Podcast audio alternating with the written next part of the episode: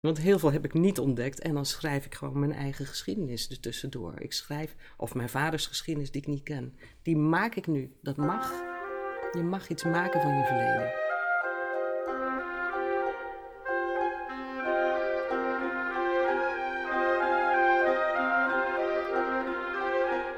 Je luistert naar de podcast van Newswork. Aflevering 3.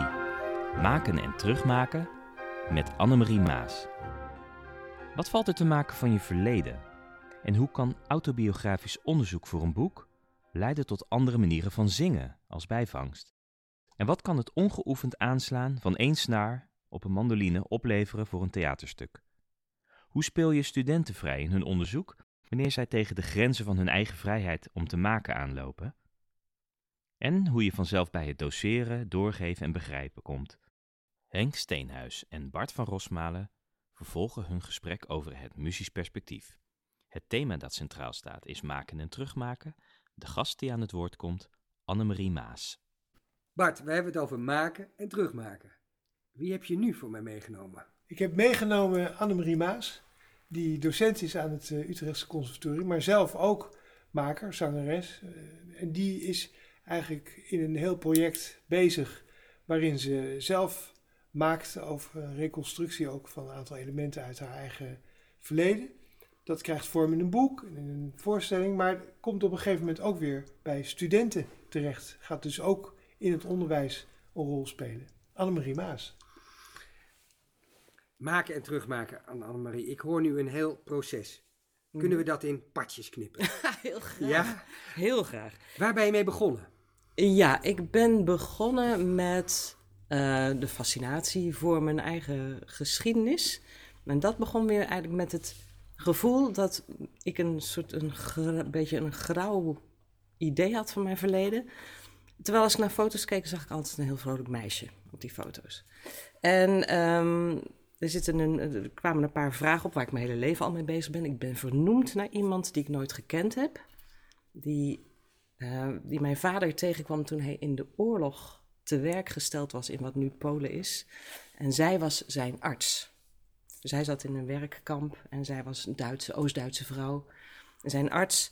En de, daar heeft hij een vriendschap mee opgebouwd die uh, na de oorlog in stand is gebleven. Ze hebben elkaar brieven geschreven. Zij had geen kinderen, ze trouwden allebei, uh, maar ze had geen kinderen. En toen mijn moeder voor de derde keer zwanger was, schreef zij: Als het nou een meisje is, mag het dan Annemarie heten. En dat hebben mijn ouders gedaan. En dat verhaal ken ik, een stoer verhaal. Ja. Maar ik kende die vrouw, ik ken die vrouw helemaal niet. Ik heb nee. wel cadeautjes van haar, ringetjes en mooie briefjes.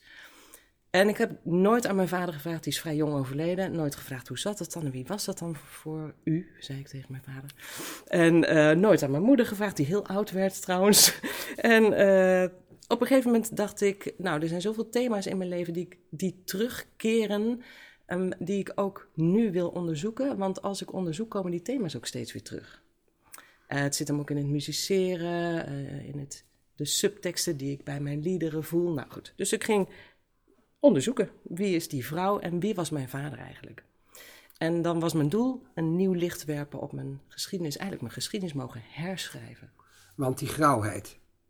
Ja, een nieuw licht werpen op je geschiedenis. Ja. En uh, dat, ik, terwijl ik het nu zeg, denk ik, ja, dat is ook een vorm van waarderend onderzoek. En daar heb ik in mijn master, eigen master, uh, onderzoek naar gedaan, naar het appreciative inquiry, waarderend onderzoeken, waarbij een organisatie eigenlijk zijn eigen geschiedenis herschrijft. Dus dan ga je samen terugkijken. En dan zeg je wat is er volgens ons gebeurd. En dat is allemaal interpretatie. En dan herschrijf je voor de toekomst je geschiedenis. En er zit ook een werkvorm bij, The Wall of Wonder. Dan ga ik stoom lekker door, oké? En de, waarbij je in het verleden, successen in het verleden noteert, in het heden en gedroomde successen in de toekomst. Dat is eigenlijk ook een vorm van herschrijven en herbelichten. Nou, daar ben ik mee bezig. En, um, daar ben je mee bezig, even voor de duidelijkheid, in je eigen leven. In mijn eigen leven. Precies, daar, mijn daar keren eigen we weer even geschiedenis. naartoe. Ja. ja, even naar terug. Uh, en dat is een vorm van onderzoek voor mij, waarvan ik uh, gaandeweg merk dat het me heel veel doet. En dat het eigenlijk een fantastische vorm van onderzoek is, want die heeft met mij te maken. Met waar word ik warm van? Wat vind ik leuk om te onderzoeken? Ik ontdek allemaal nieuwe dingen. Ik, de, mijn geschiedenis wordt veel rijker. En dus eigenlijk ook mijn werk. Ook als zanger word ik rijker. Hoe kun je dan als zanger rijker worden van je geschiedenis. Je gaat er toch niet Ja. anders door zingen? Ja, je gaat er eigenlijk wel anders door zingen. Maar dat heeft vooral te maken met dat ik veel meer associaties kan hebben met, wat ik, met een tekst bijvoorbeeld. Of met een muzikale lijn. Kijk, in mijn onderzoek ontdek ik dat Annemarie Nussig, zoals zij heette, want ik, mijn naamgenoot, dat zij veel naar de Thomaskerkje ging en veel naar Bach luisterde. En ik heb zelf vroeger ook Bach gezongen in de Bachvereniging. Nou, en weet je, dan komen er allemaal beelden vrij, allemaal associaties, die ik nu allemaal tot een verhaal kan maken. Dus ik leg eigenlijk allemaal ader, niet slagaderen, maar a- adertjes erbij in mijn eigen perceptie van muziek. En die dat herkennen, zou ik maar zeggen, hervinden, researchen, of het ondervinden, niet onderzoeken, maar ondervinden, dat kan ik gebruiken als ik weer muziek uitvoer.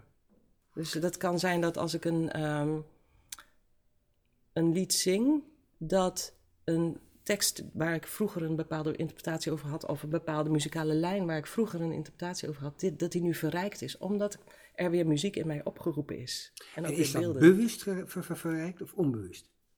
Nou, inmiddels bewust, maar dat gebeurt natuurlijk in eerste instantie onbewust. Ja. En dat is ook helemaal niet het doel geweest. Het is bijvangst. Dat is een bijvangst, een superpure bijvangst, ja. En eh, in het, ik ben dus nu een boek aan het schrijven over de- mijn her, hergeschiedenis, zou ik maar zeggen. Dat heet Grensgevoel.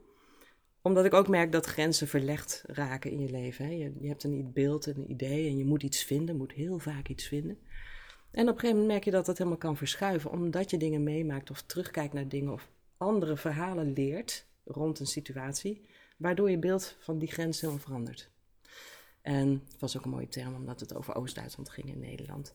Maar in dat boek ben ik nu ook aan het terugmaken naar mezelf door muziek te maken in dat boek. Dus er komen, als het goed is, QR-codes in waarbij je dan een link naar een muziekstuk krijgt. En dat schrijf ik opnieuw, hè, dus een nieuw werk.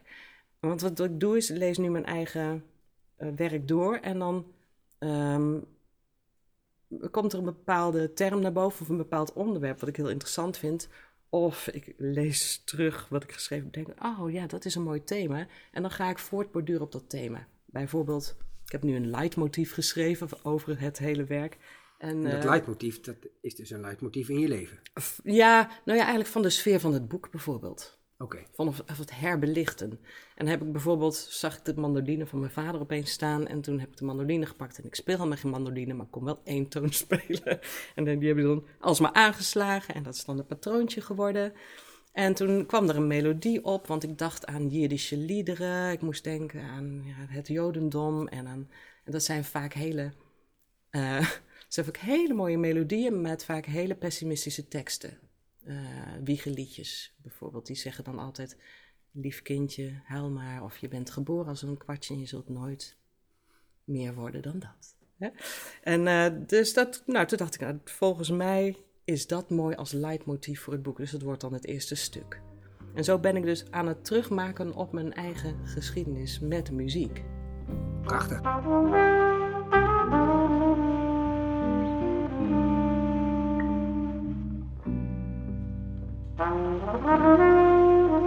Doe je dit ook met studenten? Ja, nou, wat ik, eh, ik heb daar aan zitten denken van hoe kan ik dit nu het onderwijs inbrengen? Of... En toen dacht ik ineens aan een eh, serie introductielessen die ik in het vierde jaar geef. Die geef ik aan alle studenten van het Utrechts Conservatorium. Zij krijgen de opdracht om onderzoek te doen en dan uiteindelijk een artikel te schrijven, wat dan ook over een educatief onderwerp, hè? over het lesgeven of leren of iets wat ermee te maken heeft. En merk dat, eh, dan, dan krijgen ze een eindopdrachtbeschrijving en daar worden ze wel heel zenuwachtig van. En dan weten ze niet onderzoek, onderzoek. We, hebben we zitten toch niet op een academie. En dan wordt dan een heel gefrustreerd ding. Terwijl ik dacht van, goh, als ik nu met hen op een hele andere manier aan de slag ga. Namelijk met de vraag, waar word je warm van? Ten eerste. En dan ten tweede, hey, toen je kind was in je golden stage, hoe speelde je toen eigenlijk? Want een kind onderzoekt spelende wijs of speelt onderzoekende wijs. Ehm, dus daar, ga ik, daar ben ik nu, dat ben ik nu aan het ontwerpen. Om op die manier die hele groep aan te sturen en eigenlijk helemaal terug te gaan naar de persoon. En dus niet zozeer artistiek onder, onderzoek of zo, maar meer van wat vind jij, waar word je warm van? En hoe, hoe was het ook alweer toen je gewoon heel van nature heel fijn aan het spelen was met dingen en dingetjes samenstelde en dingetjes ontdekte. Eh, dus dat, nou, dat, dat vind ik heel spannend. Dat ga ik nu doen. Dat ga je doen of daar ben je al mee Dat begonnen? ga ik doen en ik moet het ontwerpen nog. En ehm, dan wil ik mijn eigen werk wel als soort introductie meegeven. Want ik vertel er nu wel eens in mijn één op één les, als zangles bijvoorbeeld, of andere groepslessen, vertel ik hier wel eens over. En ik merk dat mensen heel blij en geïnteresseerd van worden. En die voelen ook van, hé, hey, ik heb ook geschiedenis. Eh, want dan vraag ik wel eens van, waar, zit, waar denk jij aan als je aan jouw geschiedenis denkt? En dan komen er hele verschillende dingen, vaak highlights. En dan merk ik dat ze eigenlijk dat, kwijt zijn geraakt om dat wat ze nu doen, nu doen te verbinden aan wie ze waren. Studenten hebben vaak het idee iets nieuws moeten leren. En dat, het, dat, um, dat wat ze konden, dat dat verouderd is en niet zo goed was als wat ze nu nog moeten leren. En daar hoop je op, dat ze in die Daar zin hoop ik op. kijken. Dat, zij, uh, dat ze kunnen gaan terugblikken, maar dat ze ook een nieuw licht kunnen werpen op dingen. Dat ze misschien gaan spelen met het verleden. Dat ze zichzelf weer als spelend kind herkennen in wat ze nu kunnen doen. En ook uh, dat, ze, ja, dat ze daarmee mogen rommelen. Mm -hmm. want dat doe ik ook met mijn verleden, want heel veel heb ik niet ontdekt. En dan schrijf ik gewoon mijn eigen geschiedenis er tussendoor. Ik schrijf, of mijn vaders geschiedenis die ik niet ken. Die maak ik nu. Dat mag. Je mag iets maken van je verleden. Je zegt dat je met ze teruggaat naar hun jeugd. Mm -hmm. Hoe doe je dat in de praktijk met studenten? Ja, ik heb bijvoorbeeld een werkvorm. Uh, dat is dan een groepsles zangwerkvorm. Um, dan hebben we een grote ruimte. En dat zijn dan uh, studenten of tien. En ik zet dan uh, muziek op. Een beetje intense muziek. Franse chansons doen het altijd erg goed. Jacques Brel. En um, dan is de opdracht teken in de ruimte op ware grootte je eigen kinderkamer van vroeger. En dan moet het, dat wordt dus heel fysiek, want er was een kast en een bed. En uh, mensen zoeken gewoon een plek in die ruimte op. En dan merk je wel dat uh, daar heel verschillend op gereageerd wordt. Kijk, uh, iemand die uit een oorlogsgebied is gekomen, we hebben iemand die uh, vroeger in een oorlogsgebied zat, die vindt het een hele lastige opdracht, want die kinderkamer is verlaten en dan mag je dus, daar wil je dus eigenlijk niet aan denken. En uh, dat is ook een thema in, in de studie van hoe kan ik me weer echt mijn, verbinden aan mijn roots. Want die roots die boezemen eigenlijk angst in. Of iemand anders die gewoon zich helemaal niet herinnert hoe een kinderkamer eruit zag. Nou, dat zijn wel dat zijn hele mooie ingangen om te praten over uh, ja, vanuit welke bron muziceer je eigenlijk. Ja, want we hebben de neiging om alleen maar de mooie dingen te herinneren en die te gebruiken. Ja, ja. terwijl uh, alles doet ertoe en alles is bruikbaar. Alles is in te zetten voor de kunst van het bedriegen, wat we toch doen als zangers. En we vertellen verhalen die er dan niet zijn, maar ze zijn wel verhalen die we doorvoeld kunnen hebben of ons kunnen bedenken. Dat is wat kunst doet, natuurlijk.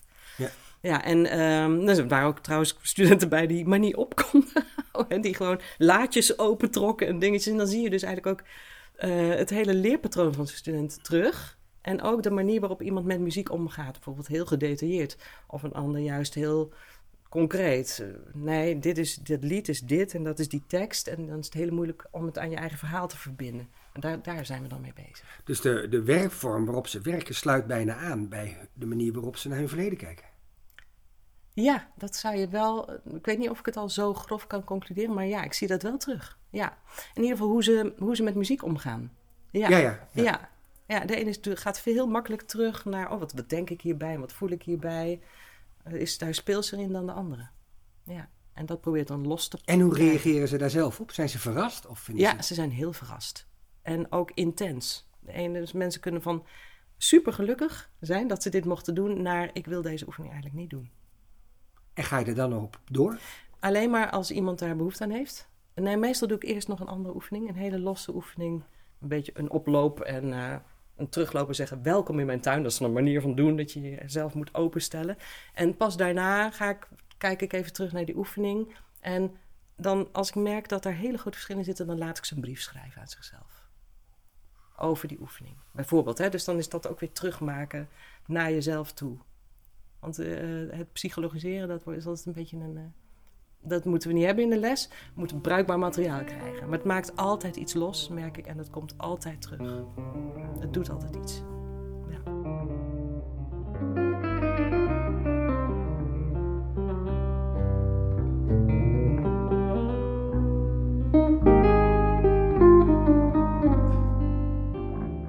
En dan wil ik nog even teruggaan naar het allereerste begin. Mhm. Want je zei, ik heb, als ik het goed heb onthouden, naar mijn idee best een, goede jeugd, maar ik heb er een grauw beeld van. Ja, ik heb dus ook wel niet zulke leuke dingen meegemaakt die ik helemaal niet snapte als kind. En, ehm, maar die, dat, die zijn ook zeg maar, zo gebleven omdat ik nooit gesprekken heb kunnen voeren, nooit heb kunnen vragen naar het verleden of dat nooit gedaan heb. Vanwege het feit dat bijvoorbeeld mijn vader heel vroeg is overleden. En vanwege het feit dat dat bij ons thuis niet de gebruikelijke usance was, om het zo maar met Van Cote en de Bie te zeggen, om dan veel te praten. Nee. Ja, En wat is er met die kleur grauwheid, ge- met die grauwheid gebeurd? Ja, oh, dit is heel veel kleurig aan het worden en ook heel meerstemmig. Want ik had eerst mijn eigen stem over, zo was het. En die stond dan ook een beetje haaks op andere stemmen uit mijn familie, zou ik maar zeggen.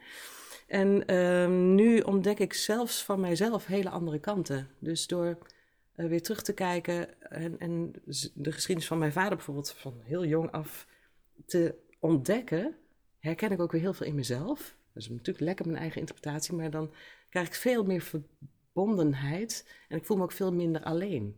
En dus kijk ik dan ook heel anders weer naar. En eh, dat roept opeens beelden op van vroeger van, oh, maar als kind deed ik ook dat. Oh, zo'n fantasie had ik. Terwijl dat was allemaal een beetje weggezakt.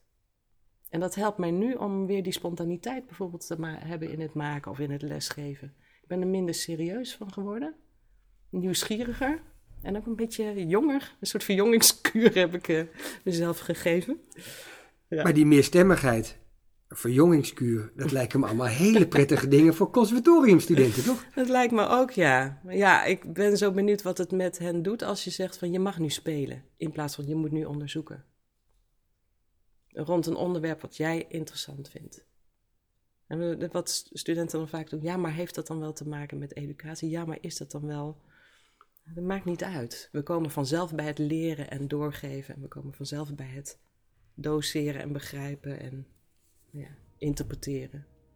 Ik kan me Ja. voorstellen dat dat een heel spannend avontuur is. Dat. ik zeg het heel spontaan en leuk, maar het lijkt me ook heel spannend. Nee, ik denk dat het heel leuk wordt. Ja, volgens mij wordt het iets goeds. Dankjewel. Jij ook, dankjewel.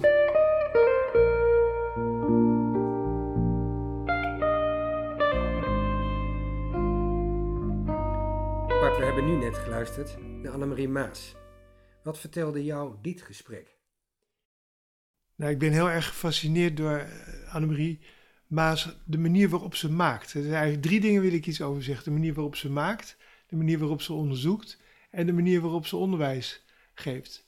Ja. Het spannende in haar verhaal is natuurlijk het maakproces. Dus zij gaat haar verleden in. Ze gebruikt feiten die er zijn. Dat wat ze niet weet of wat ze niet tegenkomt, dat herschrijft ze. Dus dat maakt ze zelf. Ze maakt een boek. En uit dat boek, terwijl ze haar eigen boek zit te lezen, denkt ze: hoe kan ik daar muziek van maken? En dan maakt ze muziek.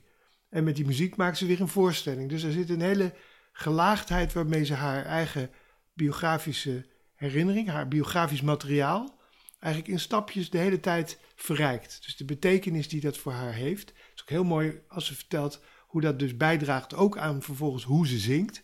Dat, dat hele maakproces, wat zo in stapjes elke keer iets meeneemt van het ene naar het volgende stadium en daar betekenis aan geeft. Zichzelf ook spelregels oplegt. Als ik een instrument met maar één snaar heb, dan gebruik ik die ene snaar.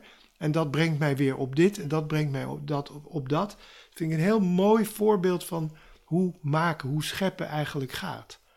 En het tweede, wat ik interessant vind, is dat ze telkens ook zegt: ja, het is ook onderzoek doen. En dat vind ik spannend, omdat in klassiek onderzoek natuurlijk heel veel geprobeerd wordt om de persoon van de onderzoeker eruit te laten. Om een objectieve, hè, zogenaamd objectieve weergave te geven van wat, er, wat kennis is. Maar bij haar gaat het er juist in om die als persoon in te stappen. Ja. Want het is eigenlijk biografisch onderzoek. Hè? Zij doet in zekere zin, zij stapt met heel haar persoon in. En dat heeft een heel grote rol in hoe ze dat onderzoek doet. Ik denk dat dat heel belangrijk is, haar pionierswerk, in de vraag hoe moet je dat dan doen? Dat is zij aan het onderzoeken. Hoe kun je die subjectiviteit inbrengen? Hoe kan je die subjectief... Maken. Ja, en op een manier die ook qua onderzoek geldig is. Waarvan je niet alleen maar zegt, ja, dat is toevallig jouw verhaal, maar waarmee het exemplarisch wordt. Dus waarbij haar verhaal, ja, het is haar verhaal, Maar het heeft een algemeen grotere gelding. Het heeft een grotere geldigheid dan ja. Ja. En dat noemen we dan een exemplarisch verhaal. Ja. En het derde wat ik denk, eh, wat een mooie bijdrage is, dat ze ook haar studenten daarin meeneemt. Die dus eigenlijk naar onderzoek kijken als iets naar wat eng is, wat je aan moet voldoen, wat iets heel anders is, waarbij je als het ware uit je muzikantschap stapt om iets heel anders te moeten doen. Zij zegt, kan je het eigenlijk verbinden met die kinderjaren? Ik vind dat begrip die golden stage heel relevant. Want ik, ik zie ook op school heel veel studenten die zoeken naar hoe verbind ik mijn persoonlijke fascinatie, mijn persoonlijke drive, elementen uit mijn leven met wat ik hier kom leren. En dat weten wij als docenten eigenlijk niet altijd goed hoe we dat moeten doen. En Annemarie pioniert daar, wat mij betreft, in om daar wegen voor te zoeken. Dat vind ik de waarde van eh, het onderzoek wat ze, waar ze over vertelt. Mooi. Dank je.